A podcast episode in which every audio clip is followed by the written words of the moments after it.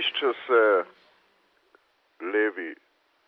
iščejo se levi ekstremisti in druge zdrahe. Pozdravljeni, tole poletje je politično izjemno vroče, še bolj vroče je seveda zaradi tega, ker se dogajajo reči, ki spravljajo deželo v neko predpolitično stanje, ki ga je včeraj prekrasno v dnevniku opisal kolumnist Tomaš Mastnak, natančno tisti, ki pravi, da je v osemdesetih letih izgubil veliko časa in energije s tem, da je nosil glavo na prodaj za ljudi, za katere danes tega ne bi storil in da je vesel, da lahko čas posveča politični teoriji, prijateljem in tudi temu, da je občasno ljubiteljski novinar. Torej nekaj podobnega, kot se dogaja tudi tale trenutek. Ljubiteljsko novinarstvo seveda zapaža eh, nekatere indice, ki kar kličejo potem, da se ustvarja ali manjša paranoja ali pa celo eh, slutimo, kot da ljudje, nekateri v vladi, eh, skušajo sprožiti samo državljansko vojno, za katero seveda vemo, da traja že vsaj štiri stoletja, če vlečemo paralele od protireformacije pa do teh trenutnih zgodb, ki se spet pretirano ukvarjajo z drugo svetovno vojno in seveda z ideološkim nagibom očitajo ideološkost svojemu lastnemu nasprotniku. Alarmantne so pri tem tudi drobne stvari, tako zapažamo v časniku delo občasna ocenjevanja najbolj slovenske izmed umetnosti in tako umetnica, ki jo sicer cenimo, včeraj ocenjuje, kaj naj bi bilo tisto najbolj, najbolj v naši umetnosti in postavi eh, za taka dva mejnika Šalamunovo Dumo devetnajststo štiriinšestdeset in Triglav skupine Oho v parku Zvezda decembra leta devetnajststo oseminšestdeset. Vse v redu in prav beremo do samega zadnjega stavka, ko nenadoma pride do nekega pogojnega, pogojnega refleksa, ki je kar skupen eh, današnji večinski slovenski kulturi, namreč pravi, da se ji zdi, kot da se je boj za samostojno Slovenijo oziroma prispevki k samostojni Sloveniji začel eh, decembra devetnajststo oseminšestdeset. Kot da bi kje pisalo, da je treba naštevati, kdo vse se je bojeval za samostojno Slovenijo in kje so njeni nastavki, oziroma kot da bi to karkoli pomenilo. Kaj torej skušajo doseči kulturniki, umetnice, umetniki s tem,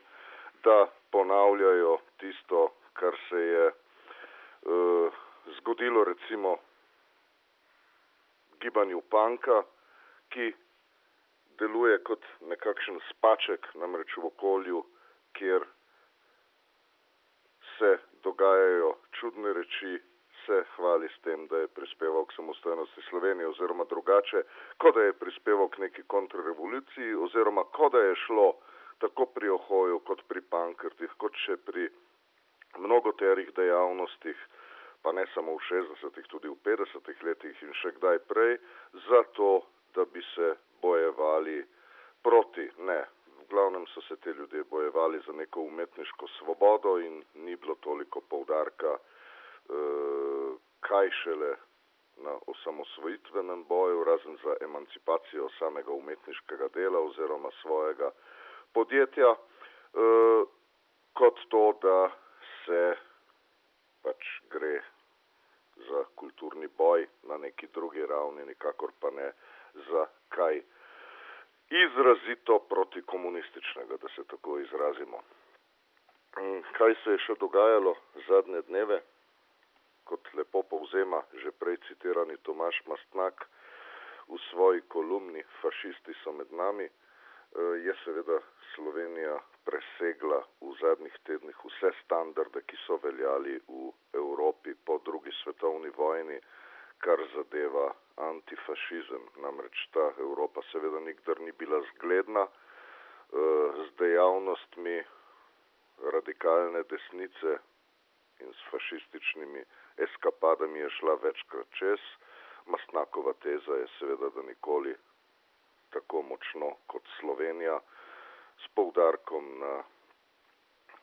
prosluli proslavi vaških straž v Šentjoštu nad Horjulom pred časom, kjer je Ivan Oman vehementno govoril o drugi slovenski vojski. To je bilo malo pred tistim, ko je iz parlamenta pricurljala novica, torej novica konca prejšnjega tedna, da ne bo razprave o ekstremni desnici, dokler ne definiramo in prepoznamo tudi ekstremne levice. Skratka, mešanica med tem, da živimo realnost Alana Forda in med tem, da se nam v tem realnostnem svetu prikazujejo fleši iz letečega cirkusa Montyja Pythona, se z vrtoglavo naglico vrti v svojo katastrofično, bolj katastrofično realnost, seveda kot je ta, ki smo jo podali s prispodobo iz sveta stripa in televizije. Namreč pri vaških stražah, če se pomudimo za hip ob tem, e, je problem ta, da sam izraz deluje dokaj nedolžno. Vaške straže, pač neki fantje, ki so se odločili na robe, kot bi nekateri rekli, čustveno, pretirano čustveno in so s tem Eh, kot bi eni rekli, domala nevede pomagali okupatorju. Ni res, ne. Vaške straže so tista tretja jezikovna varijanta, najbolj mila, ki jo uporabljajo in uh, lej ga zlomka, zelo so jo uporabljali zadnje čase tudi mediji, čeprav gre za tisto, kar so italijani imenovali znam bližnjo in bolj znano in tršo besedo guarda bianca, torej bela garda, mimo grede, dosti krat se v zgodovinjenju tudi na nasprotni strani meša belogardiste in domobrance, eni so pač stvar iz časa italijanske okupacije, drugi izrazito nemški, toliko mimo grede. E, nenavadno pa je, da so ob teh poročilih iz Šentjošta mediji e, domala enoglasno zamolčali, da gre pa za uradno Mussolinijevo, torej uradno italijansko formacijo, ki pa presega mil izraz vaške straže in nekoliko trši izraz Bela garda in ki se kratko malo imenuje milicija volontarja antikomunista. Torej šlo je za prostovoljno protikomunistično milico, za uradno italijansko formacijo, ki je, kot zdaj že vemo, pred 70 leti dobila svojo prvo enoto v Šentjoštu nad Horjulom in ta dogodek je skupaj z nekaterimi drugimi novimi mešanji totalitarizmov, tako imenovanih totalitarizmov in nasploh stopanja na ideološko uh, odrsko prezenco pred 70 leti do dobra razkuril in to upravičeno razkuril Eh, določene analitike, tako da zdaj že tretjič omenjam Tomaža Mastnaka, tako da Tomaž Mastnak uh, v zaključku svoje kolumne lepo pravi, da bo treba se žal zateči k Evropi, torej da bo žal treba prisegati na neke evropske standarde, ko so zadeve ušle nadzoru. Uh, Paranojki bi seveda rekli, da poteka ta hip v državici z dvomilijonskim prebivalstvom celo neki eksperiment, torej na podoben način, kot smo govorili včasih za svetli zahod oziroma zagnili kapitalizem, kot da je v Italiji tik po koncu druge svetovne vojne potekal eksperiment raznih tajnih služb, saj so imeli v Benečiji, Julijski krajini, v Furlaniji in blizu kasnejše meje, blizu cone A in B in blizu kasnejše meje z Jugoslavijo, tudi po 30 različnih tajnih služb, ki so eksperimentirale s prebivalstvom in ustvarile tisto degradacijo, ki jo na tem ozemlju, če potujemo nekoliko na zahod, še danes opazujemo. da se dogaja v Sloveniji danes podoben eksperiment, kot se je denimo dogajal, smo razmišljali kot mlajši o kakšni nizozemski, kjer so pač preprosto eksperimentirali, dokam gredo lahko svoboščine, ki zadevajo mehke droge, ki zadevajo prostitucijo, ki zadevajo eutanazijo in podobne reči. E, tako se denimo danes v Sloveniji, zakaj pa ne, dogaja eksperiment, dokam lahko seže psihološka državljanska vojna in kaj se zgodi, ko je narod razdeljen na polovico, na tisti znameniti 50-50, kot ga je živela recimo desetletja, preden je padla v to godle, v kateri so danes domala vse drugorazredne evropske države, tiste južne v glavnem, tudi Italija z nami vred. Uh, zadeve torej še zdaleč niso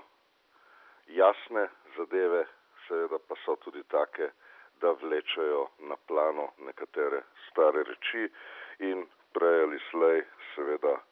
dokazujejo, da njihovi snovalci ne samo, da niso brali in da niso izobraženi, ampak da enostavno zelo paušalno in površno berejo nekakšne evropske direktive o enačenju totalitarizmov. Že nič kolikokrat smo povdarili, da se seveda nacifašizma in stalinizma ne da enačiti kar tako. Tisti, ki smo po dolgem in počes predihali socialnega zgodovinarja Erika Hobsbauma sploh vemo, da teh stvari ne gre enačiti, da kratko malo pridemo do tistega samega jedra, v katerem je seveda fašizem in nacizem tisti, ki iznika vso politiko, ki je predpolitičen oziroma izrazito nepolitičen in se izmika s tem svoji političnosti, uničuje političnost v svoji družbi in je seveda nevaren tudi na vzven, medtem ko to jasno, da stalinizem nikoli ni bil, da je bil stvar v glavnem same Sovjetske zveze v času ključnih procesov in da ni mogel biti totalitarističen, ker je še vedno puščal dovolj političnega prostora. Te temeljne razlike se seveda v snovalce in v ljudi, ki bi radi na vsako silo enačili sisteme, nikakor niso prijele teh snovalcev, se te razlike niso prijele in se jih tudi ne mislijo obdržati. Torej, komunizem ne samo, da ga v zadnjih desetletjih nikjer v Evropi nismo živeli, ampak per definicionem ne more biti totalitarističen. Lahko ima v nekaterih realsocialističnih oblikah samo svoja popačena stanja, v katerih lahko dokazujemo norost tega ali novega voditelja zgrešeno idejo, nikakor pa ne gre za intenco, ki bi bila zlobna,